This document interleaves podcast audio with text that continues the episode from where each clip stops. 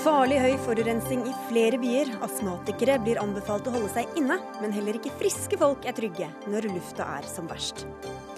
Ytringsfrihetshelten Vebjørn Selbekk bør gå svært stille i dørene. Han har selv vinglet i dette spørsmålet, hevder Vårt Land-kommentator, som har nilest Selbekks avis. Røykesluttmedisiner på blå resept kunne fått flere til å stumpe røyken, men regjeringa sier nei. Uklokt, advarer Foreninga for hjerte- og lungesyke. Og en rektor avlyser neste års skoleball og får en storm av reaksjoner. Skoleballet er en del av kulturen og må ikke stoppes, sier Elevorganisasjonen.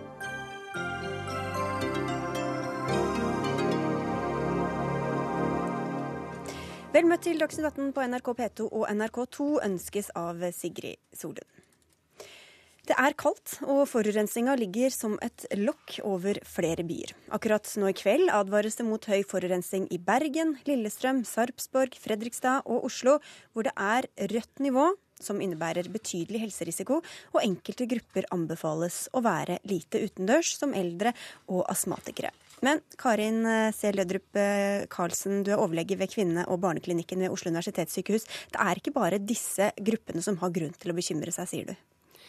Nei, eh, det er nå så at ved akutt høye nivåer så går det særlig utover de som allerede har etablert sykdom.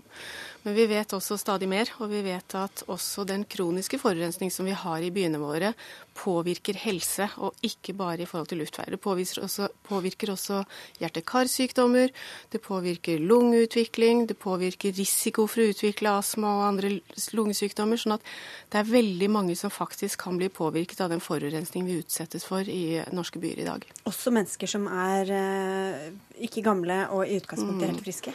Ja, definitivt. Og, og særlig nye studier har vist at til og med at man kan finne økt kolesterolnivå og triglycerider, altså sånne fettsyrer som, som er assosiert med økt risiko for hjerte-karsykdommer, hos friske 40 år gamle mennesker i byene. Så dette er uavhengig av alder. Hva er det i lufta som kommer inn i kroppen, og hva er det det gjør med kroppene våre? Mm. Det er forskjellige produkter som vi er bekymret for. Det har f.eks. svoveldioksidene, og så har vi disse nitrogenoksidene, altså NOx-ene. Og så er det stadig større fokus på partikler, altså dette som vi kaller svevestøv. Og det er jo i litt ulik størrelse på disse, dette svevestøvet. Og særlig de minste partiklene kommer lengst ned i luftveiene. De kan også gå over i, i blodstrømmen vår og der fører de til betennelse. Så de kan føre til betennelse både i luftveier og i blodet generelt, og skape en generell betennelsesprosess. Og Det ligger nok noe til grunn for en del av de helseeffektene vi ser, som ikke bare er relatert til luftveier. Du skal få bli med og snakke om hva vi kan gjøre med dette, men vi går først til deg, Tina Bru. Du sitter i energi- og miljøkomiteen på Stortinget for Høyre. Når vi hører denne problembeskrivelsen, hvordan kan politikerne sitte og se på dette år etter år? Jeg tror eh, altså Politikerne sitter ikke bare og ser på det. Altså Man har eh, allerede utviklet mange virkemidler som kommunene kan ta i bruk for å gjøre noe med dette problemet. Men dessverre så får vi jo denne debatten nesten hver eneste vinter når vi har perioder med mye kaldt vær. Og Det er helt uavhengig av hvem som sitter i regjering og hvem som styrer byene. Det forteller meg jo at det er store utfordringer som ikke har noen veldig enkle løsninger. Men vi er nødt til å gjøre det vi kan. Eh, kommunene må følge nøye med på situasjonen. fordi vi kan ikke ha det slik at noen mennesker, og nå som vi også hører her, ikke bare de som er syke i utgangspunktet, men, men alle mennesker, ikke kan bevege seg ut av husene sine fordi de risikerer å bli syke. For Du sier jo at dere ikke bare sitter og ser på, og, men, men hvorfor har det da ikke blitt bedre de siste årene? Nei, vet du hva, Det er faktisk sånn at det, eh, det er på vei til å bli bedre. Eh, det er tall som viser at både NOx-nivåene er gradvis nedadgående. Og svevestøv også er det en, en, bedring på. Eh, spesielt i Oslo er det blitt bedre siden 2006. Eh, og det er jo nettopp fordi at Oslo kommune har gått foran og tatt mange grep, innført mange tiltak for å få ned eh, konsentrasjonen av svevestøv bl.a. Så, så det er ikke helsvart, men det er selvfølgelig et stort problem når folk blir syke av det. Og Rasmus Hansson, du er stortingsrepresentant for Miljøpartiet De Grønne, sitter i den samme komiteen. Dere har jo nå fått makt dere i flere kommuner, uten at det er så mye bedre å bevege seg ut av den grunn? Vi begynner nå å gjøre de tingene som eh, det dessverre er et faktum at eh, partier før oss ikke har gjort noe med. Det er eh, ikke til å komme utenom at den situasjonen vi har i Oslo nå, som er den verste på mange år, det er altså en situasjon som man har visst år ut og år inn at oppstår hver gang det blir kaldt i mange store byer. Da blir lusa giftig. Det vi gjør med det nå, det er at vi aller først kommer til å planlegge og gjennomføre en, eh, en eh, styring av kollektivtrafikk og, og, biler i Oslo som gjør at det blir færre biler. For det er det viktigste. Så kommer vi til å bruke Det er jo et nokså langsiktig prosjekt. Da. Ja, og det er det som er løsningen. Så kommer vi til å på litt kortere sikt innføre lavutslippssoner vi vil vurdere å stenge enkelte veier. Vi vil øke eh, dieselavgiften, eller innfartsavgiften, på særlig forurensende biler. Særlig dieselbiler. Eh, og det er andre konkrete tiltak som vi nå setter i gang og gjennomfører. Og så er det en ting som er veldig bra, og det er at nå har regjeringen omsider sagt at dette kan man gjøre. Da regner vi med også at vi får lov på de områdene hvor regjeringen faktisk er de som tar beslutningen. Så nå kommer disse tingene til å bli gjennomført. Ja, Dette er jo noe vi har hørt mange ganger, Tina Bru, at eh, regjeringa har satt ned foten for eh, tiltak som kommunene har ønsket å, å sette i verk. Ja, men jeg, jeg, må bare starte med å si at det Rasmus Hansson her sier om at nå begynner Miljøpartiet De Grønne å gjøre de tingene i Oslo som ingen andre har villet gjort før, det er jo bare tull og tøys. Altså, luftkvaliteten i Oslo har blitt bedre siden 2006. Og det er jo fordi at eh, det foregående byrådet gjorde en masse ting som var bra for å gjøre noe med dette problemet. F.eks. at de innførte miljøfartsgrenser ulike steder. De innførte piggdekkgebyr. De innførte støvdempende tiltak. Eh, de har satset massivt på kollektivtrafikk, eh, et område som Miljøpartiet De Grønne var med å nedprioritere i budsjettet sitt nå i år. Det kommer til å bli dårligere rutetilbud på kollektivtrafikken i Oslo pga. det grepet. Så altså, ja, jeg er sikker på at MDG også vil gjøre noe med dette, men man kan ikke sitte her og si at det, alt som har skjedd nå, er det MDG som har tatt æren for. Det de gjør tvert om, er faktisk å sitte og klage på eh, staten som ikke stiller opp, selv om de har masse virkemidler de kunne tatt i bruk hvis de ønsker det. Du skal få svare, Rasmus, men jeg vil bare høre fra, fra uh, Lødrup Karlsen her også, for dette er jo ikke et problem. Nå snakker vi om Oslo, men dette som vi hørte innledningsvis, i hele Norge omtrent at det er store problemer. Og hvilke tiltak har vist seg å være effektive ut fra erfaring? Ja, altså Jeg har jo veldig lyst til å peke bl.a. på Bergen, som har store problemer år etter år, og hvor det virkelig gjennom store deler av vinteren er et stort problem. Så det er all ære til det som er redusert i Oslo. Eh, vi vet at det kan gjøres en del, og, men det må regulatoriske tiltak inn. Altså Det må rett og slett inn med drastiske grep for å redusere bl.a. biltrafikk, eh, vedfyring fra gamle, dårlige ovner. Disse tiltakene vet vi hjelper, og vi vet også at de har en stor helseeffekt på bl.a. Eh, økt leveutvikling utsikter når man virkelig klarer å komme ned. Så dette er noe som virkelig, eh, virkelig kaster av seg hvis man klarer å gjennomføre det. For Du sier at ganske små reduksjoner i dette, både svevestøv og de andre partikkelutslippene, det eh, kan ha ganske store, store, effekter? Det kan ha store effekter både akutt og på lang sikt. Blant annet så ser vi at når man klarer å redusere noe eh, i, av de verste toppene, så reduserer man også innleggelser på sykehus for luftveisproblemer, eh, reduksjon i akutte sykdomstilfeller. Og på lang sikt, bl.a. fra USA, så har man vist i forhold til en studie på kreft, så viste man at det var en klar sammenheng mellom reduksjon av av svevestøv over de 20 årene fra 1980 til 20, 2000 Eh, som førte til en økt levealder på 2,7 år i gjennomsnitt. Og dette viser at dette, dette, kan gå, altså. Og hva er det de har gjort i andre store byer hvor de har lagt om enten midlertidig eller uh, også permanent, som har vist seg å ha god effekt? Se Beijing-OL, sommer-OL i Beijing. Det var jo voldsom forurensning like før. De rett og slett begrenset trafikken og la trafikken langt utenom byen, og fikk ryddet opp i luften i Beijing slik at OL kunne gjennomføres. Det førte med seg lang, stor reduksjon av sykehusinnleggelser innleggelser for en rekke sykdommer. Så det går an å gjøre noe på akutt sikt, men det må ganske drastiske tiltak til, tror jeg. Rasmus Hansson, eh, ja. Og det er vel og bra at det har vært gjort ting men, uh, tidligere, men det er altså ikke til å komme unna uh, hvordan forurensningssituasjonen er i de store byene nå, i Bergen, i Oslo og andre steder. Det betyr det har ikke vært gjort nok. Og det aller viktigste, som også uh, vi nettopp får høre her, det er å få ned biltrafikken. Det er det grepet som verken høyresiden eller venstresiden tidligere har tort å gjøre i noen av disse byene. Og så er det altså ikke noe hovedpoeng for Miljøpartiet De Grønne å klage på denne regjeringen, for det gjør vi ikke. Da Høyre satt i byråd her i Oslo f.eks., og i Bergen, eh, så klagde de på Arbeiderpartiregjeringen fordi den ikke eh, gjennom, gjennomførte ting. Men nå er vi altså kommet til den situasjonen hvor regjeringen for første gang har sagt sett i gang kommuner, dette får dere lov til de tingene som kommunene hittil har ment eller trodd at de ikke fikk lov til, ja. de får man nå gjennomført. Vi kommer til å gjennomføre dem. F.eks. å søke om lavutslippssoner. Det har dere kunnet gjøre i noen uker nå uten å ha gjort det. vi holder på altså, Man må jo faktisk planlegge hvordan det skal gjøres. Poenget er nettopp at for første gang så har man fått lov til å eh, innføre de lavutslippssonene på en måte som er sånn at eh, kommunene selv er enig i at de får lov til det.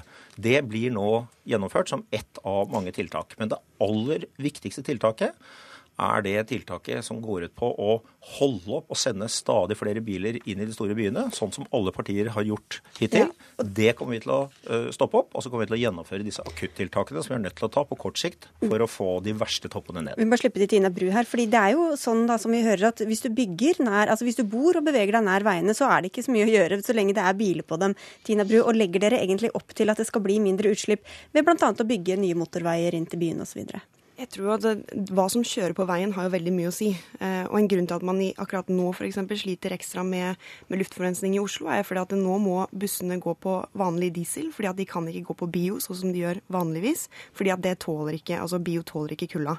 Så det å på en måte få hyppigere og raskere utskiftning i, i bilparken, altså også på kollektivsiden på bussene, vil selvfølgelig ha en effekt. Eh, og Nå er det jo sånn at nå kan kommunene også etablere sånne lavutslippssoner hvis de ønsker det. altså For å vise bort eh, biler når det er akutt forurensning. Det har Oslo kunnet gjøre siden desember. Det er bare å hive seg rundt eh, Rasmus og gjøre det hvis man ønsker det. Og dette driver vi med, og de kommer for ja, første men, gang. Veldig bra, men poenget er at dette kan man gjøre. Men dette har de ja, men bedt dere om, gjorde det ikke. Det har de bedt om lenge, både i Oslo og andre steder, Tina Bru. Hvorfor gir dere ikke alle altså Dere er jo ellers veldig opptatt av lokalt selvstyre. Hvorfor får ikke kommunene bruke alle de tiltakene som de mener er nødvendige for å få ned luftforurensninga? Jo, man skal lytte til kommunene. og Det er nettopp derfor at regjeringen nå er i gang med å utrede mange forslag som har kommet eh, på hvordan man kan ta ytterligere grep. Altså F.eks. det å stille miljøkrav til drosjer. Det å kunne, nå er det jo faktisk åpnet for at man kan også ha miljødifferensiering eh, i bomringen. Du har datokjøring. altså Du har mange ting. Men jeg er opptatt av at vi skal samarbeide godt med kommunene og lytte til dem. Og det er ikke alle kommuner som har de akkurat samme utfordringene heller. Og noen velger å løse det på andre måter. Altså F.eks. Stavanger eh, har istedenfor å innføre piggdekkgebyr, så har de hatt en stor stor holdningskampanje for å få ned få ned bruk av piggdekk, som har funket kjempebra. Så Det er viktig å ha god dialog med kommunene. Og så mm. mener jeg at det ligger masse gode verktøy tilgjengelig som kan tas i bruk. Ja, jeg tenker Det er veldig fint at man har mange tiltak, men jeg tror nå på kort sikt og på mellomlang sikt så er det veldig viktig å tenke på hvem bør beskyttes særskilt. Og da tenker jeg særlig der hvor det er barnehager, der hvor det er skoler, der hvor barna er. Lag så utslippsfrie soner som mulig rundt disse i god avstand, for dette er, dette er fremtiden vår. Men, men når, når, eh, infrastrukturen ble laget, så tenkte man jo ikke på disse tingene. Er det mulig i det hele tatt å beskytte alle de barnehagene, alle de skolene som er rundt omkring i byene? Jeg, man skal, altså Det har vært en studie bl.a. i London hvor de så på Oxford Street og Hyde Park. og Det er to kilometer imellom. og da, da, de gikk i Oxford Street, så fikk de en reduksjon i lungefunksjon. Dette er voksne mennesker med mild astma. Da de gikk i Hyde Park, så så man ikke det samme.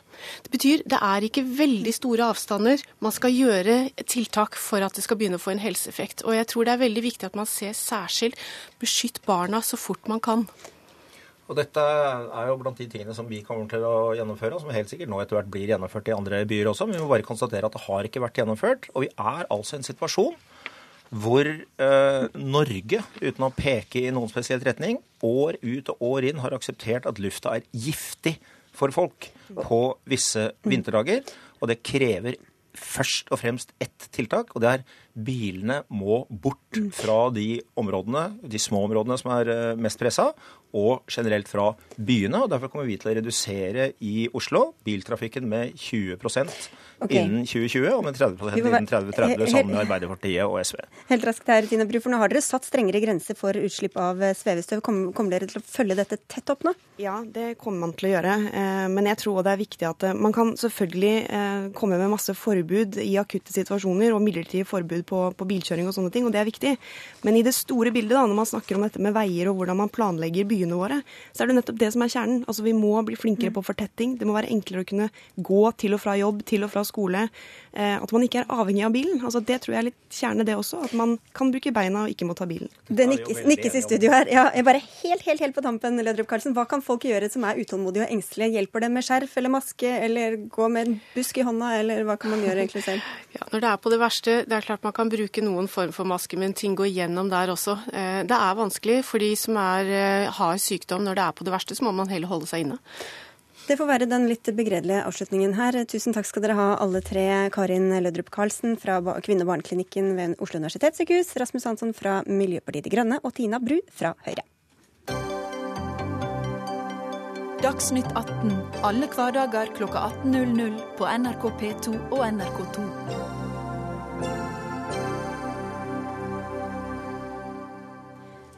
I Nasjonalbiblioteket ligger en liten boks med mikrofilmer av alle utgavene av den kristne avisa Magasinet, som kom ut i 2005 og 2006. Inni boksen ligger en symbolsk beskjed til Vebjørn Selbekk, redaktøren som er blitt hyllet og priset for sitt mot og sin kamp for ytringsfriheten. Alf Jøsund, du er kommentator i Vårt Land. Hvilken symbolsk er det som ligger og venter på Selbekk i Nasjonalbiblioteket? Ja, jeg mener jo at hvis han går opp der og ser på alle sidene i magasinets årgang 2005-2006, så ser han eh, ganske tydelig at eh, eller han ser ganske tydelig hvorfor eh, det var så mange som reagerte negativt på at Selbekk publiserte karikaturene den gangen i januar 2006. Eh, magasinet var jo ikke en hvilken som helst avis på den tiden det var en, veldig islamkritisk avis. Jeg bladde gjennom sidene og så et veldig ensidig inntrykk av en avis som eh, serverte kritikk mot eh, innvandring, muslimer og muslimske miljøer og islam generelt, uten at den andre siden kom fram i det hele tatt. Og Det er veldig viktig å huske på, for det har vært en tendens som Lena Lindgren i Morgenbladet satte ord på. Det har vært en tendens til å etterrasjonalisere denne debatten eh, uten å huske hvilken avis magasinet var på den tiden. Det mener jeg en, eh, svekker debatten litt. Altså Det var det magasinet som eh, senere fikk navnet Dagen-magasinet, og som nå eh, heter Dagen, eh, hvor Vebjørn Selbekk fortsatt er sjefredaktør. Hva, hva var det som fikk deg til å begynne å lese og gå gjennom alt det her, da? Ja, jeg har jo fulgt med på den debatten. Den har jo pågått i mange år, og jeg har ikke uttalt meg. men... Karikatur- og ytringsfrihetsdebatten. Nett, ja, nettopp. Og eh, da jeg hørte eh, Selbecks angrep på Bondevik så kom jeg til å tenke, eh, i forrige uke her i Dagsnytt 18, så kom jeg til å tenke på den litt ugne følelsen som jeg og mange andre satt med da vi leste magasinet den gangen. For på den tiden så framstår jo ikke Vebjørn Selbekk som en spesielt prinsipiell forsvarer av ytringsfrihet. Han var først og fremst opptatt av islamkritikk, og uh, hans publisering av karikaturene ble nok av mange tolket i lys av det. Vebjørn Selbekk, uh, allerede introdusert som sjefredaktør i Dagen. Her har du en hengiven leser, i hvert fall. Ja, det er veldig hyggelig. Veldig hyggelig det. det. var en del av jobben min. Ja. Har du selv like god oversikt eh, over alle artiklene og kommentarene dere skrev på den tida? Ja, altså det er klart at Eh, når man har vært redaktør i så mange år som jeg etter hvert har, så er det klart at man har ikke oversikt over alt. Og for meg er det jo Det har jeg jo sagt mange ganger. At det er ikke alt jeg er like stolt av. Og jeg syns jo kanskje at Jøsund sparker inn litt åpne dører da, i denne kommentaren som han skriver i dag. Og jeg reagerer litt også på den ramme, dramatiske rammefortellingen fra Nasjonalbiblioteket, der han har møysommelig har lett gjennom mikrofilmen. Altså Den artikkelen som du tar fram og kritiserer kraftigst i din artikkel, den ligger jo åpent tilgjengelig på nettet. det eh, når hatet får styre pennen. Ja, som, jeg, jeg visste jo ikke hva jeg skulle lese som, dette. Nei, nei da, men, men, men, men det, er jo den, ja, men det er den du tar fram i, i din kommentar. Og, og eh, Hvis du hadde lest din egen avis eh, like nøye som du leser mikrofilmen, så hadde du sett at Vårt Land gjorde et intervju med meg i fjor på denne tida, der de spurte meg nettopp på den der artikkelen. Og der jeg tar avstand fra det som jeg skrev den gangen. Jeg tar selvkritikk på det. Jeg har lært, og jeg tror mange andre også har lært i denne saken. Men Er det da én artikkel du henviser til, eller mener du da at hele det bildet dere tegnet av islam den gangen, var skeivt? Nei, men jeg er stolt av å være islamkritisk, å være islamkritiker. Magasinet var en islamkritisk avis. Dagen er også en islamkritisk avis. Men når vi nå er så islamkritiske som vi er, og det tror jeg det er grunn til å være, så skal vi også være åpne for andres syn. Og som en del av eh, Dagsnytt 18s lesere sikkert vet, så har jeg i det siste fått veldig hard kritikk, også fra egne lesere, fordi vi har engasjert Shoaib Sultan og hatt eh, en, en muslimsk Ja, han er jo kjent, eh, godt kjent som ordførerkandidat i Oslo og, og tidligere leder i Islamsk råd. Han skriver fast i dagen, nettopp fordi vi mener at når man har sterke meninger, så skal man også lytte til andres meninger. Det mener jeg er et godt prinsipp. Ja, eh, Heldigvis så tror jeg veldig mange oppfatter den avisen Dagen som, redaktør, som Selbekk er redaktør for i dag, som eh, litt annerledes enn magasinet var den gangen. Eh, og Selbekk snakker om å slå inn åpne dører. Det, jeg tror at jeg leser avisen Vårt Land enda hakket litt bedre, for jeg leste også dagen etter. Og da dementerer Selbekk den beklagelsen som han kom med i avisen dagen foran. Han skriver det er ikke riktig at jeg angrer på større vilje til å støte muslimer framfor kristne. Jeg har aldri fått noe slikt ønske om eller noen spesiell vilje til å støte noen religiøse grupper. Du, eh, dette blir jo detaljer eh, som er vanskelig for eh, lytterne å sette seg inn i. Men den, det er ikke noe dementi. Det var, en, det var en, et kort tilsvar der jeg imøtegikk litt av hvordan dere hadde presentert saken på okay. forsida. Ja, men du avviser hele problemstillingen. Du har ikke Men vist spesiell vilje til å det som jeg støte muslimer. det, det som jeg prøver å rydde opp i, og dette er litt viktig, det er den misforståelsen som enkelte har tillagt meg. At jeg skal ha sagt eller ment at jeg heller vil støte muslimer enn kristne. For meg har det aldri vært noe poeng å støte noen. Det eneste jeg har gjort, er å vise karikaturer. Jeg har vist karikaturer som kan være støtende for kristne, for jøder, også for muslimer. Jeg har ikke hatt noe ønske om å støte en gruppe mer enn Men, andre. men du sier at dere er en islamkritisk avis, og nå Ja. blir jo mediene om dagen beskyldt for å tie og, og legge lokk på problematiske sider ved islam. Hva er galt da ved at man har en avis som gjør det motsatte? Nei, Jeg syns det er fint å være islamkritisk, men hvis man ønsker å, å oppleves som rettferdig og nyansert, så bør man slippe den andre siden også til. Og det har Selbekk eh, i svært liten grad gjort i magasinet på den tiden. Så du mener at den eh, hyllesten han har fått eh, nå de siste årene, er den urettferdig, eller Den er urettferdig, ikke minst fordi at Og det er veldig interessant. Det, dette handler ikke om at Selbekk har sagt konkret at jeg ønsker å krenke muslimer mer enn andre. Men eh, Selbekk skrev jo mange artikler om ytringsfrihet også, da handlet det alltid om ytringsfrihet for islamkritikere. Mens vi ser i ett tilfelle, da han skriver en lederartikkel, da handler det om Finn Graffs tegninger, som Selbekk mener krenket eh, israelske politikere og kristne ved å framstille de som eh, henholdsvis nazister og brunskjorter. Og da eh, går eh, Selbekk kraftig i rette med den eh, artikkelen, og sier det veldig tydelig. Og da er det tydeligvis ikke ytringsfriheten eh, til Graf han er bekymret for. Det hele tatt. Ja, og da snakker du jo om den artikkelen som, som jeg eh, ble spurt av din egen avis om i fjor, og ga klart uttrykk for at dette står jeg ikke for lenger. Så alt, så alt det der er, så alt det der, der er på en måte opp og avgjort. Men jeg Nei, skal det er ikke det, nei da, men- Dette her har ikke du tatt tydelig ans eh, Du, eh, da- avstand fra. Og hvis du ser har- hva du ja, skriver men her, så sier Du du må lese din egen avis, da. Eh, Ja, gjort. for at Det jeg er akkurat i den avisa for nøyaktig ett år siden at jeg tar klart avstand fra dette. Men bare for, å ha, bare for å ha det sagt det er klart. Du sier at det er et urettferdig eh, bilde som blir tegna meg. Jeg har et veldig avslappa forhold til det. Jeg har et avslappa forhold da jeg i 2006 eh, fikk veldig mye kritikk og veldig mye trøkk. Og har et avslappa forhold i dag. Jeg har aldri sagt at jeg har gjort og sagt alt riktig. Jeg prøver å forklare hva jeg har sagt, hva jeg har ment, og hva jeg har ikke sagt og ikke ment. Eh, og, og, og så er det, når det gjelder det du snakker om med islamkritikere, og at vi er islamkritisk, så har jeg jo virkelig bevist akkurat det du sier, Det å ta inn Shoaib Sultan. Hvor mange muslimske eh, skribenter, eh, faste skribenter har dere i vårt land, da? Shoaib Sultan. Vi har flere, men Shoaib Sultan kom jo i dagen for bare litt mer enn ett år siden. Er Vi noe- snakker om 2006. Er det nødvendigvis noen motsetning mellom å være ytringsfrihetsforkjemper og være islamkritisk? Nei, men, men i dette tilfellet snakker vi om at Selbekk har gått til kraftig angrep på bl.a. Kjell Magne Bondevik fordi han kritiserer karikaturene som sto i magasinet. Og så skriver Selbekk selv i sin egen avis vi er sterke tilhengere av fri politisk menings meningsutveksling, også i karikaturform. Men det finnes okay, en ja. Som grense. samme artikkel som er, som jeg allerede har eh, Ja, vi- Dette vi- har ikke Selbekk beklaget, men dårlig da vil det jeg har gjerne jo det gjort, det i vårt land. Tiden går så fort. Helt på tampen, Selbekk. Ja. Vi hørte deg her i forrige uke eh, eh, rase mot Bondevik, og så tidligere mot Støre.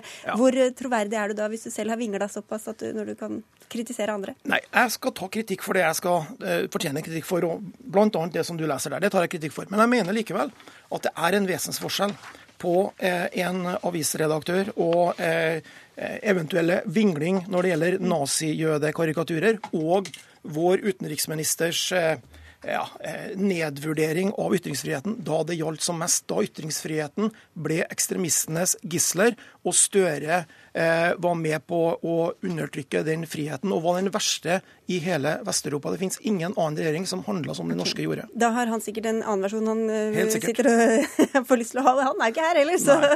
vi får bare la det være med det. Vi har dessverre ikke tid mer. Takk skal dere ha begge to, Vebjørn Selbekk og Alf Jøsund.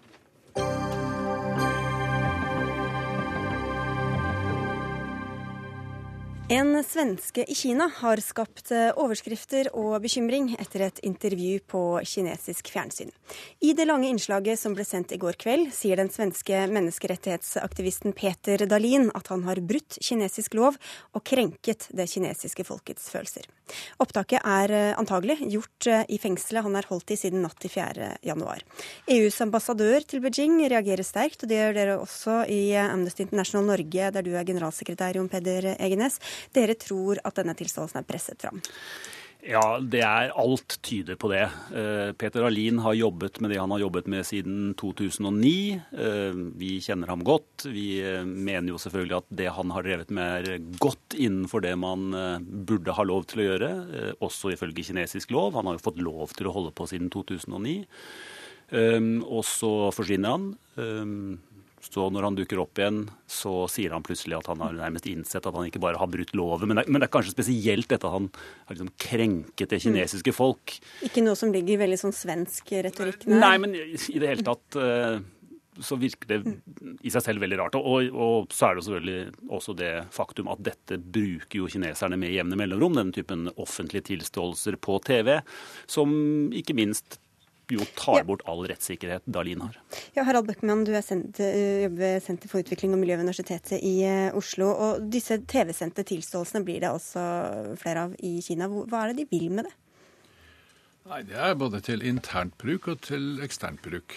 Og dette det å, å liksom bekjenne sine synder, eh, sine politiske synder, kan du si, det er en gammel måte å, kan du si, å få folk til å, å, å ta dem ned på en måte. Og det at han uh, har gått uh, ut sånn, eller måtte gjøre det, det kan også være litt kalkulert fra hans side. Sånn som dere sier, han, han, har, uh, han har, såret det kinesiske folks følelse. Dette er en sånn standardformulering som regimet bruker. Og hvis han bruker det, så kan du si at kanskje det er en måte å dempe dette her på. Men det er klart det er under press, og det er helt urimelig. Men tror folk på disse tilståelsene ja, ja, ja, de ser på fjernsyn? Ja, ja. Altså, de vet at det er et spill. Men samtidig er det ganske effektivt. Men det som er nytt her, det er at uh, vanligvis så skjer dette med kinesiske statsborgere innad. Altså, og fjernsynet er jo et veldig mye bedre medium enn at det liksom skal være et lite lokale. Du når lenger ut. Men her, det nye her er at det faktisk er en uh, utenlandsk statsborger som ikke er av kinesisk opphav som blir utsatt for dette. og Derfor er det et ganske sterkt signal utad eh, til verden ellers. Egnes, du sa at han har holdt på der i flere år. Hva er det han har gjort, eh, og hvorfor har de plutselig reagert nå, tror du? Ja, det, det denne organisasjonen hans, som heter Chinese Urgent Action Working Group, har drevet med, er delvis å gi juridisk bistand til folk som har fått sine menneskerettigheter krenket, delvis å drive opp opplæring av ikke minst det som kalles barfotjurister, altså legfolk, som særlig på landsbygda i Kina gir juridiske tjenester og juridiske råd, eh, og en del andre ting. Men, men det har liksom vært den kjernevirksomheten. Um, jo, hvorfor slår den ned nå? Det virker som om, om, kinesiske myndigheter nå slår veldig hardt ned på ikke minst folk som gir juridisk bistand. Altså en rekke menneskerettighetsadvokater har enten forsvunnet eller blitt arrestert. Sannsynligvis har de som har forsvunnet også blitt arrestert, men foreløpig vet vi ikke hvor de er. Eh, andre aktivister har, har, opplevd det samme. sånn at det er en kampanje på gang mot de som arbeider med menneskerettigheter i Kina. Og også kjæresten hans er eh, forsvunnet? Og hun er jo, vet vi jo ikke hvor er. Eh, vi gjorde jo ikke det med, umiddelbart med Peter Dahlin heller. Han, han sitter ikke i, i, et vanlig fengsel. Han sitter i jeg vet ikke hvordan jeg skal oversette det, men han sitter altså i et annet lokale under overvåkning, eh, som vi faktisk oppfatter som kanskje mer eh, hva skal jeg si, urovekkende enn at han faktisk satt i et offisielt fengsel. Vi kjenner til mange som blir torturert og mishandlet i den situasjonen. Hvordan er de kinesiske myndighetenes syn på menneskerettigheter, Bøckmann? Ja, Det har jo forandra seg. Altså For 20 år siden så var det et fullstendig friord. Og så begynte de å gjøre det til sitt eget, og tolke det til eget forgodtbefinnende. Og delta veldig aktivt i FNs menneskerettighetsorganer og slike saker. Så istedenfor liksom å si bare nei, nei, nei, så har de prøvd liksom å, å, å befolke det, eller så ta, ta, ta vinden av seilene, kan du si. Ut av seilene. Ja. Så, så, de vil gjerne gjøre det på sin måte, men det er klart det er en ganske forskjellig forståelse av det som er gjengs i Vesten. Da. Så det de ser på nå, er eh, eller Det vi har sett, er jo faktisk en kampanje som begynte allerede tidlig i 2015 mot rettighetsorganisasjoner, både kinesiske og utenlandske, som støtter. Eh, så dette er en del av en generell tilstramming. Du ser det også på utdanningsfeltet f.eks., der man prøver å rense bøker, forelesninger for eh, såkalt vestlige verdier. Men Hva slags menneskerettigheter hva er det de legger inn i begrepet, da? Ja, det, det, er jo ganske enkelt. Altså, det er liksom de grunnleggende menneskerettene, mat og føde, og, og ikke de politiske mm. rettighetene som vi liksom er på toppen av det vi pyramiden, sånn som vi ser det. Mm. Hvordan ser dere på menneskerettighetssituasjonen i Kina? da? Nei, Det er jo svært alvorlig. Eh, man må jo alltid si når man snakker om Kina, at, at, at Kina har jo hatt en fantastisk utvikling i forhold til fattigdom og slike ting, som jo også er et, et innenfor menneskerettighetsbegrepet, altså det å bekjempe fattigdom. Men når det gjelder da ytringsfriheten og, og den typen rettigheter, de sivile og politiske rettighetene, så, så ser vi nå en, en tilstramming. Det er selvfølgelig ikke som under kulturrevolusjonen, men, men hvis vi var optimistiske gjennom en periode om at nå gikk det litt mer i riktig retning. De sa at de skulle respektere dem, de sa at de skulle liksom slutte seg til konvensjoner i FN osv. Så, videre.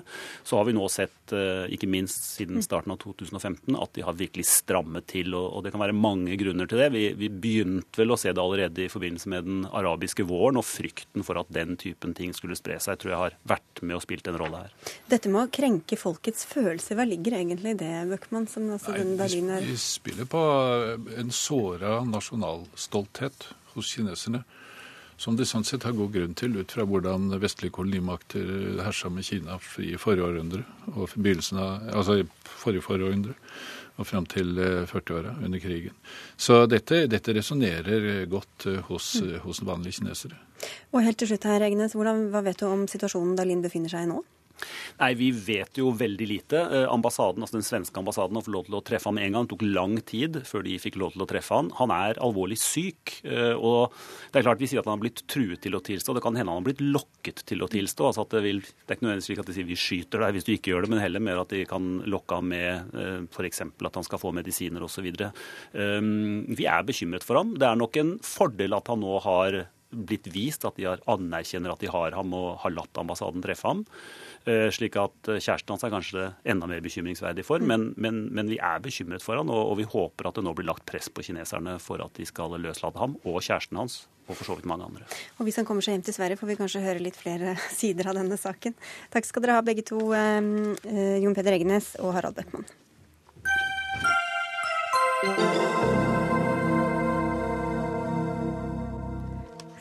Hvert år dør flere enn 6000 nordmenn av skadevirkninger av eh, røyking. Det finnes røykesluttmedisiner som har god effekt, men disse er dyre og koster mange tusen kroner i året. Bør disse komme på blå resept, så det blir billigere for folk å ta dem? Det skal Stortinget bestemme i morgen. Og da håper dere i Landsforeningen for hjerte- og lungesyke at, folk, at de folkevalgte lander på et ja, generalsekretær eh, Frode Jaren. Hvorfor det? Hvorfor er det viktig? Jo, som du nevnte, så dør det over 6000 eh, mennesker hvert eneste eh, år som følge av røyk. Det er mange mennesker som er alvorlig syke som følge av røyk. Vi i vår organisasjon organiserer bl.a. kolssyke mennesker. Der er det sånn at selv blant de mest alvorlig kolssyke, så er det ca. bare halvparten som klarer å slutte å røyke. Vi trenger effektiv behandling for dem. Og Da er det, finnes det altså et par eh, typer medisiner eh, som kan hjelpe. Men hva kommer prislappen til å bli hvis alle som ønsker det, skal få disse pillene på eh, blå resept? Ja, For en enkelt kur så er det drøye 2000 kroner. I året, eller? For ja, altså? For, for en, en, kur, og så kan det sikkert hende at det er noen som må ha lengre behandling. Det er mange medisiner som er mye dyrere i Norge. Så dette her er ikke en spesiell Men dette vil jo gjelde ganske mange, da. Har dere regna på det? Ja, da, altså, Dette her har vært regna mye på. Kunnskapssenteret for helsetjenesten eh, har regna på det. Det finnes masse eh, studier som er publisert på dette. her. Alle studiene viser at dette her er kostnadseffektivt. Helsedirektoratet anbefaler det. eh, Rådet for prioritering av kvalitet i helsetjenesten anbefaler det. Sveinung Steinsland, du er, Steinsland, du er stortingsrepresentant for Høyre, og i morgen skal dere altså mm, avlevere en innstilling fra din komité, helse- og sosialkomiteen. Eh, men du eh, har allerede bestemt deg for å si nei. Regjeringen sin holdning og regjeringspartiene sin holdning er at vi vi mener at vi ikke skal dekke den kostnaden. Det blir snakket mye her om at det er kostnadseffektivt. Dette er mest av alt kostnadseffektivt for røykerne, for det er uansett mye mer kostbart å røyke enn å kjøpe disse produktene her. Og det finnes en rekke rimeligere produkter som i dag er nærmest i fritt salg. Du får kjøpt de i dagligvare og apotek eh, nesten overalt. Nikotinprodukter, nikotinplaster, som òg er et godt tilbud, som er òg første det vi anbefaler først. Så, så det, det, som vi frykter, er at eh, det blir veldig lett å hoppe over på de dyreste når de blir dekka på blå resept. Det er det ene. Men mest av alt at det er sånn at den viktigste motivasjonen for folk å slutte å røyke, er at de sparer mye penger. Og, og, og dette produktet er så dyrt. Eh, det er uansett billigere enn å røyke. Men hvis, du, du, snakker om røykerne, men hvis eh, alle utregningene viser at det er samfunnsmessig lønnsomt, da, hvorfor tar dere ikke hensyn til det? Eh, vi tar mange hensyn her, og et av de viktigste hensynene våre er å prioritere når skal staten betale, når skal staten ikke betale. Og vi mener det går en grense her. Det er faktisk sånn at det er ingen som blir tvungen til å røyke. Folk velger selv å begynne å røyke. Så er det vanskelig for enkelte å slutte å røyke, det ser vi. Men vi har landa ned på at akkurat dette vil vi ikke skal bli dekka over blå resept. Bl.a. fordi da tar en vekk et viktig insentiv for røykerne, nemlig at de sparer penger ved å slutte å røyke. Røyking er den enkeltfaktoren i samfunnet som eh, fører til mest sykdom eh, og død. Sånn at eh, det blir veldig passivt av regjeringa og, og, regjeringspartiene her å, sitte og si at eh, vi skal ikke gjøre noen ting. Når vi har eh, studier som viser at dette her er eh, veldig effektivt, og vi trenger behandling for alvorlig syke mennesker. Det altså, vi, vi betrakter nikotinavhengighet, og det gjør også Verdens helseorganisasjon, som en sykdom og sykdom skal behandles. Men jeg skjønte ikke helt det med motivasjonen. La oss si du bruker 5000 eller 10 000 kroner i året på røyk. Hvorfor er det da mindre motivasjon hvis du ikke trenger å bruke noen ting for å få hjelp til å slutte, enn at du må bruke 2000 kroner på hjelp å slutte? Ja, for, å si det sånn, det er, for å si det på den måten, da. Du sparer så mye ved å slutte å røyke at du uansett har råd til å kjøpe disse produktene hvis du slutter å røyke. Eh, det koster fort eh, flere tusen kroner om måneden å røyke, og da har du råd til flere måneder med den kuren som ble beskrevet her. Ja, men dette blir seminarprat, for vi vet ja. at det ikke virker. Det er jo dagens situasjon. Men Eh, det er ikke, nå vises det WHO og andre ting. Det er ikke så forferdelig mange andre land som dekker denne type produkter. Vi ville vært først ute kanskje med det i hele verden. Så hvis dette er så opplagt, så ville kanskje andre land gjort det. Og det er òg veldig drøyt av LHL å si at vi er passive. Nå har vi akkurat ute på høring et, et forslag om nøytrale tobakkspakninger. Det er ikke akkurat så veldig passivt. Vi har en verdens strengeste røykelov, og vi ser nå at antall unge røykere er mm. Men Dette gjelder vel for de som kanskje har røyka en stund, da. Men, men det er jo sånn at blåreseptordningen skal jo være for kroniske sykdommer. Hvordan kan du kalle røyking en kronisk sykdom?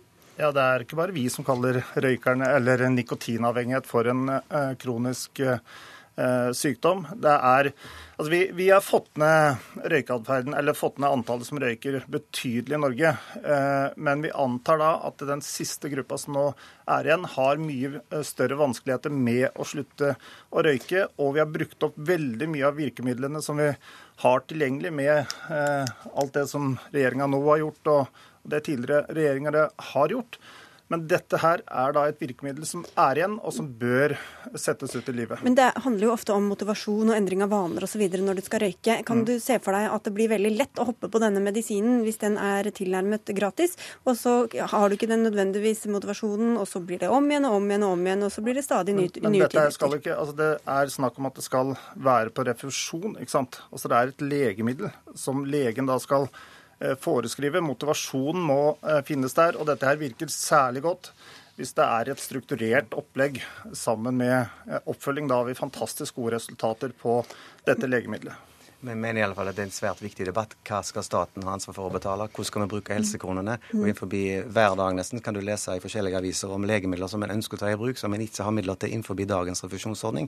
Og da er det viktig å ha en streng, en streng holdning til hva som skal dekkes på blå resept. Og vi mener at dette grensa går her, at de som røyker uansett tjener mer på å slutte. Mm. Derfor kan de betale for men dette samtidig så er det jo se på, det er jo prinsippene, men så er det det praktiske, da. Hvis de faktisk ikke gjør det i virkeligheten, og, man, og samfunnet hadde spart penger ved at man ikke ikke trenger lang kreftbehandling, operasjoner osv., sy sykemeldinger og alle disse tingene. Hvorfor skal da prinsippene gå foran det pragmatiske? Ja, nei, det, som jeg har sagt i tidligere debatter, det er mange argumenter for å ha det på blå resept, men vi har landet for at vi ikke skal ha det. Det kan være argumenter for å ha det, men vi har altså landet på at dette skal ikke dekkes på blå resept. Det er regjeringens holdning, og det er en holdning som Høyre støtter i denne saken. Da har dere ett døgn igjen på dere, Jaren, til å drive ja, lobbyvirksomhet. Vi, vi har jobba med dette her lenge, og vi skal fortsette å jobbe. Takk skal dere ha begge to, Frode Jaren og Sveinung Stensland. Hør Dagsnytt 18 når du vil. Radio NRK Radio.nrk.no.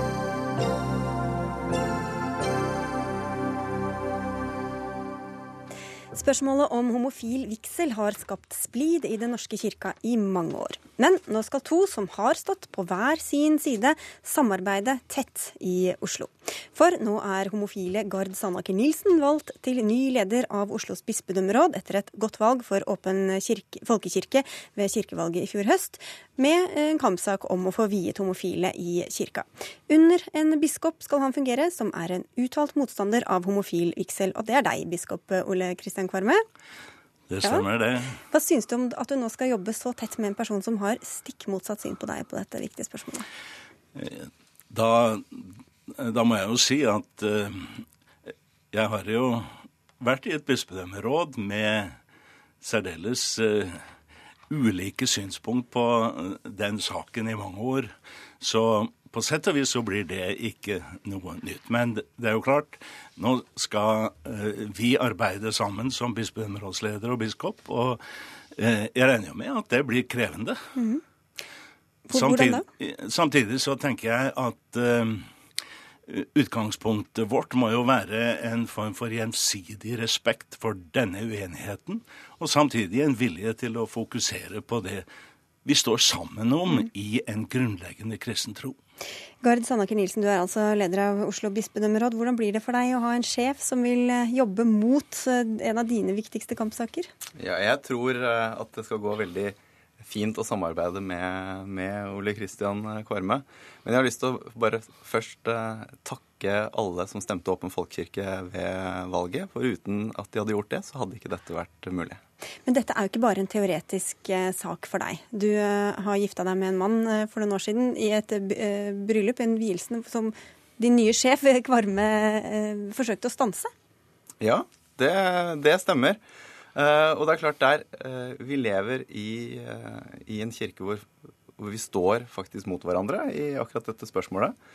vi er uenige, men så er heller ikke Kirken en, en kamparena. Så selv om vi er uenige, eh, og noen ganger går det på livet løs, det, det skal jeg være ærlig om.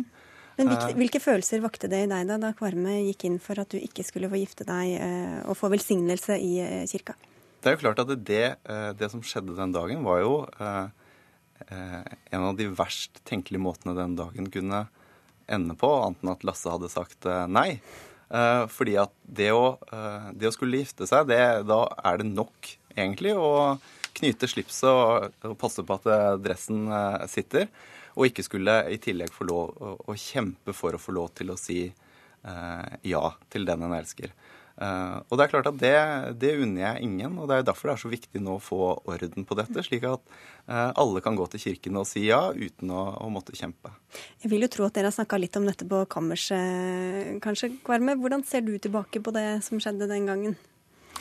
Eh, jo, for i dag er vi jo i en annen situasjon enn vi var den gangen. Eh, da jeg fikk eh, høre om dette, var det for meg som biskop, med det ansvaret jeg sitter med, nødvendig eh, å gripe inn. Så ser vi jo litt forskjellig på hva som faktisk skjedde den gangen. Men jeg tenker vi er begge innstilt nå på å bevege oss videre. Og nå etter kirkevalget så er det jo blitt klart at Kirkemøtet har et flertall for at eh, likekjønnede skal kunne eh, vies i eh, kirka vår. Det har vi i bispemøtet tatt konsekvensen av. Det har jeg også stilt meg bak. Og da er det for meg nå viktig at det i kirka vår er rom for en klassisk forståelse av ekteskapet som en pakt mellom mann og kvinne. Og at det samtidig gis mulighet for likekjønnede par til å bli viet. Men hvordan, eh, Det skal jo da skje neste år eventuelt at dette endres. Eh, Hvis vi ser på situasjonen nå, da er det din mann ved siden av deg som skal ansette nye prester i Oslo. Og så er det du som skal ordinere dem eventuelt, da, sånn at de kan fungere som prester. Og når det da kommer en ny homofil prest som ikke er ordinert, hva skjer da? Eh, For det første, de må ordineres for å kunne begynne i en stilling. Eh, Vi har hatt en situasjon tidligere. Eh, Bispedømmerådet har tilsatt eh, homofilt eller lesbisk samlivende prester som da allerede er ordinert. Når de har begynt sitt arbeid og arbeider i bispedømmet vårt, så forholder jeg meg til dem, og ønsker å forholde meg til dem som til alle medarbeidere. Da skal det ikke være noen tvil om at de, de også skal arbeide sammen med biskopen, og jeg sammen med dem. Men det stemmer. Jeg ordinerer fortsatt ikke personer som lever i et eh, homofilt eller lesbisk eh, samliv. Men da må de dra til en annen, et annet eh, Da må de til et annet bispedømme. mm. Men eh, hva, eh, hva du, For å si, bruke et snilt ord, da. Hva slags utfordringer tror du at dere kan komme til å støte på i det praktiske samarbeidet? Ja, eh, dette som nå biskopen eh, kommenterte, det er jo en helt opplagt sak. Eh, Åpen folkekirke og nå flertallet i det eh, nye bispemrådet eh, vil ha slutt på, på diskrimineringen i kirken, og, og vil tilsette eh, den som vi mener er eh, best kvalifisert. Eh, Og det er klart at Da er det en utfordring når, eh, når biskopen som skal ordinere, ikke ønsker å ordinere den eh, vi ønsker. Men det er nå én ting, og der eh, er vi uenige og, og står side om side eh, i den uenigheten. Eh, Men jeg tror av, av andre saker eh, vi, vi ønsker eh, at Oslo skal være et godt sted å bo, at eh, menneskers eh, åndelige søken skal bli møtt, og eh, at faktisk mennesker skal bli møtt eh, eh, møtt av en kirke og mange fantastiske medarbeidere i, i Den norske kirke. eh, som dekker behov, og som, eh, som kan eh, både veilede og vise omsorg. Eh, Og der står vi sammen. og og sånn sett så tror jeg vi skal kunne utvikle Den norske kirke i Oslo eh, slik at den blir en moderne eh, kirke for 2016. Jeg skjønner jo at kirken handler om mer enn homofili, men det er jo gjerne der spliden står, da, særlig mellom dere. Det har jo vært biskoper som har snudd i dette spørsmålet tidligere. Mm. Er det noe du vil prøve å få med Kvarme på å endre mening litt? Han er hjertelig velkommen til å endre mening når som helst. Hva skal til for det da, Kvarme? Eh, Foreløpig så står jeg på Har jeg det syn som, som jeg har hatt de eh, årene jeg har vært her i Oslo. Eh, eh, ingen kan vel forskuttere hva situasjonen vil bli i morgen eller i overmorgen. Det jeg kan si, er jo at i de årene jeg har vært i Oslo, så har, har det vært mitt ønske å bygge, bygge gode relasjoner også til eh, ikke bare homofile lesbiske medarbeidere, men til alle grupper i kirka vår, og også utenfor kirka, altså til eh, muslimer, til synagogen, eh, til andre tros- og eh, livssyn. I dag er faktisk Denne uka er det faktisk bønneuke for kristen enhet. Derfor er det i godt at vi to får lov til å, å være her sammen. Og det handler altså om en enhet på tvers av mange ulike meninger. Men, men tror du at det han opplever, og mange andre opplever som noe av det fineste i livet, er noe du på en måte ikke vil vite av? Eh, At det kan være sårt? Jeg eh, Heldigvis så er livet slik at eh, det er ikke alltid vi får bitene i puslespillet til å gå opp. Og jeg kan jo si for min del også at jeg har lært å verdsette medarbeidere i vår kirke. Eh, som eh, hadde nær sagt eh, slik som, som Gard. Deres tro, deres engasjement for kirka vår, det går det faktisk an å leve med. Og det går, der, da går det altså an å utvikle både fellesskap, vennskap og tjeneste. Helt kort på dem på Ja, altså, det jeg bare har lyst til å si, det er at selv om det er noen som mener at homofil samliv ikke da burde, uh, burde finnes, eller ikke, man ikke burde ta konsekvensen av det, så synes jeg at eh, alle skal vite nå at eh, at Den kirke, Norge kirke er for alle, og at eh, homofile og lesbiske ikke lenger skal vises bort.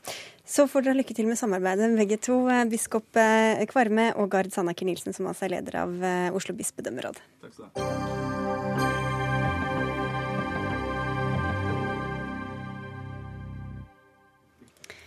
Vi hører stadig om alt presset ungdommer er utsatt for. Alt fra utseendepress til karakterpress. Sist i rekka er presset mange elever føler i forbindelse med skoleballet, og det har fått rektor ved Østerås ungdomsskole i Bærum til å avlyse neste års skoleball, til store bruduljer.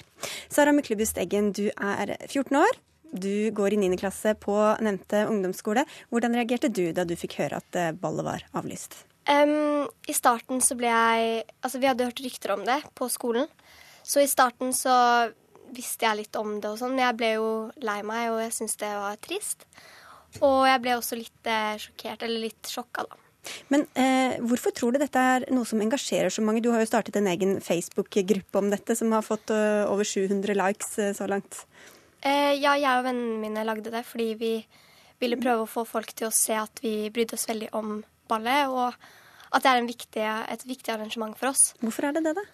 Eh, vi syns det er den ene kvelden i, på siste året på ungdomsskolen som eh, vi kan pynte oss litt ekstra og føle oss litt spesielle. Og vi føler at eh, det er den siste kvelden vi liksom kan være samlet, på en måte. Rektor på Østerås ungdomsskole, Ronny Hoseth, du er, eh, har fått mye oppmerksomhet i dag. Den store stygge ulven i manges øyne. Hvorfor skal ikke elevene få kose seg på dette skoleballet?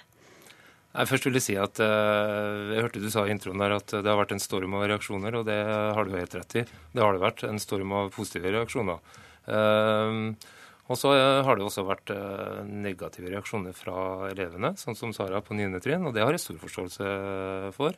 Eh, Så, så tydeligvis så har dette vedtaket gjort at uh, man har uh, rørt noe hos uh, engasjementet hos folk, da. Men hva er det som har ført til at du tok denne, denne avgjørelsen? Nei, Det er flere ting, og det er sannsynligvis altfor kort tid til å dra hele det resonnementet. Så, så for å prøve med i tabloide former, så, så, så handler det om eh, at det har en påvirkning på elevenes psykososiale miljø, altså elevmiljøet på, på skolen, det som er for og etter dette skoleballet. Eh, Og så har det med eh, all den tid elevene bruker til planlegging og gjennomføring og, og eh, alt det som skjer rundt ballet, som, som faktisk påvirker skolearbeidet og, og, og læringa. Og, og det er de to argumentene som er viktigste argumentet for å, for å avvikle ballet. Så stress og press og oppmerksomhet vekk fra skolen, leder av Elevorganisasjonen Kristoffer Hansen. Likevel er dere mot at han avlyser dette skoleballet? Ja, og det finnes mange viktige saker, og sikkert også mange viktige saker som enhver skole kan stri med.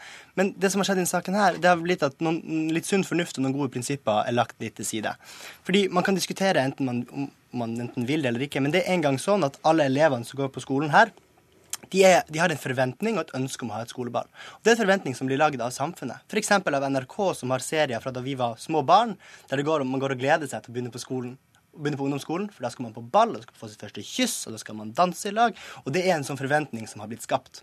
Og det må man forholde seg til. Men kan man ikke endre det, da? Det har jo ikke alltid vært skoleball. eh, Og, og, det, og det kunne vi hatt en debatt om man skulle endre på en måte det, og så skulle man slutte å ha populærkultur, og så skulle man slutte å høre på musikk der det var at man gikk på prom, som er, som er blitt en del av den ungdomskulturen i dag. Problemet er at når skolen her abdiserer sitt ansvar og sier at vi skal ikke lenger ha noe ball, så oppstår det et vakuum der det er et ønske om å ha et ball, men ikke en trygg skole med trygge rammer som kan arrangere det. Og det har skjedd før i skoletida. F.eks. For, for mange tiår siden, når skolen sa vi vil ikke arrangere russetid. Noen andre får gjøre det. Det som skjer, er at private aktører har kommet inn. Det har de gjort i russetida. Og lagd milliardbedrift av russetida. Det kommer til å skje her også. fordi at, som det blir sagt her, det har lagd, lagt Facebook-side. Noen kommer til å lage et skoleball. Jeg skulle ønske at rektoren kunne ta på seg ansvaret og lage et skoleball innenfor trygge rammer, og at det ikke blir noen som noen private gjør med hensikt å tjene penger på det. Du skal vel svare på det, men vi får høre med Myklebusteggen, for dere har allerede planlagt et slags eh, arrangement utenfor skolens regi, ettersom hva jeg har forstått? Eh, ja, det er noen på trinnet vårt som allerede har laget en slags Facebook-gruppe som heter Ballkomité, hvor det er et eh, par jenter og noen gutter som er liksom addet til den gruppen. Og der eh, er det planlagt litt eh, snakket om at vi har lyst til å gjøre det utafor skolen. Fordi man har lyst til å oppleve ballet. Og da har ikke dere noen kontroll lenger på skolen? Nei, eh, da har ikke vi noen kontroll. Men, men, Men men du det, fortsatt ansvar. Men altså, Jeg har ikke ansvar for private arrangement, men jeg har ansvar for, for et eh, skolearrangement. Eh, sånn som alle rektorene som arrangerer skoleball har, så, så, har de et ansvar. Og Mitt ansvar det går på eh, paragraf 9 av i opplæringsloven, at alle elevene har krav og rett på et godt psykososialt miljø, som, som, du, som du, vet.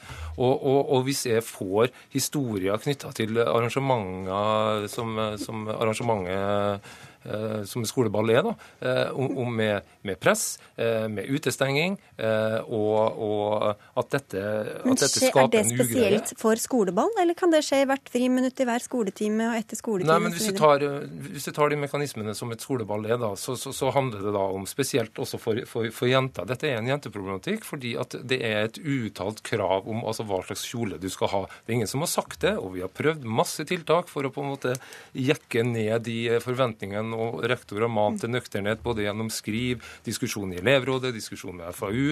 Og, og dette har vi holdt på med. Altså, Jeg har arrangert juleball i, i Bærum kommune i 15 år og har sett en utvikling som har blitt spesielt negativt nå de siste åra, spesielt med inntoget av sosiale medier. Ja, og vi har sett uh, helikoptre og limousiner og det ene med det andre. Kristoffer Hansen. Hvorfor skal man ligge opp til det? Jeg mener ikke at man skal legge opp til helikopter og limousin. og Det gjør jo både den skolen her og nei, mange det, andre skoler. Hvis det ikke hjelper å si sånn jo, men det, det, nei, men det er jo ikke det vi diskuterer her, for det har man jo stoppa med. Og det ser man jo at det, der har skolen sagt nei. Da bruker du penger på kjoler i stedet. Nei, men poenget er at det er um, Det kommer til å være noen som arrangerer dette ballet uansett. Og jeg håper at det kan være skolen som gjør det. Og vi ønsker jo et skoleball. Man ønsker et skoleball innenfor trygge rammer der alle blir invitert. Jeg håper jo at når det her Facebook-initiativet kommer frem, at det blir sånne som Osara eller elevene som arrangerer det, som inviterer alle. Men hvis det blir sånn at Bærumsskolen begynner å slutte å ta ansvar for å lage de sosiale arenaene sjøl, så kommer det til å dukke opp noen andre. Og da er det ingen garantier for at det blir helikopterforbud eller for at det blir kjolerestriksjoner. Og det jeg syns er litt synd her, det er at man gir opp. Man gir opp, man sier at vi har prøvd alt. Vi abdiserer nå, og vi slutter opp. Det, man ville aldri gjort det samme. F.eks. mobbesak. Du ville aldri sagt at jeg slutter å, å sette inn nye tiltak mot mobbing. Man må fortsette å sette inn tiltak, fordi skoleballet, som vi alle vet, kan være et kjempeflott arrangement som samler elever på tvers av klasser. Og Derfor kan vi ikke nå gi opp, bare fordi ja. vi møter motgang. Ja, men, men det, handler, altså det, handler, ikke om å abdisere. Altså jeg mener jo stikk motsatt. Det handler om å ta ansvar. Altså, og, og, det ble uh, referert fest, ja, ja, men det ble altså referert til at, altså, at, dette er kultur. Da kan jeg si at altså, dette har utvikla seg til å bli ukultur. Og jeg som rektor kan ikke sitte stille og ha den informasjonen om, om hva, dette, hva dette skaper. En... Og det er jo ikke snakk om å abdisere. Men, bare vent litt, Kristoffer Hansen. Er det en slags resignasjon i det? Altså, som jeg nevnte innledningsvis, og grunnen til at vi snakker om dette, er jo også fordi det er dette presset vi hører om hele tiden. Eh, så hvis man skal bare si nei til alt som fører til press, hvor ender vi da? Nei, men, men dette, dette, er jo eh, Dette handler jo selvsagt også om press. Men så er, så er altså dette, har dette skolevalget blitt sånn at mange jenter altså dette, dette er den viktigste kvelden i livet deres. altså Alt skal være perfekt. De, de Eh, de planlegger godt, de bruker masse tid på dette eh, for denne ene kvelden. da.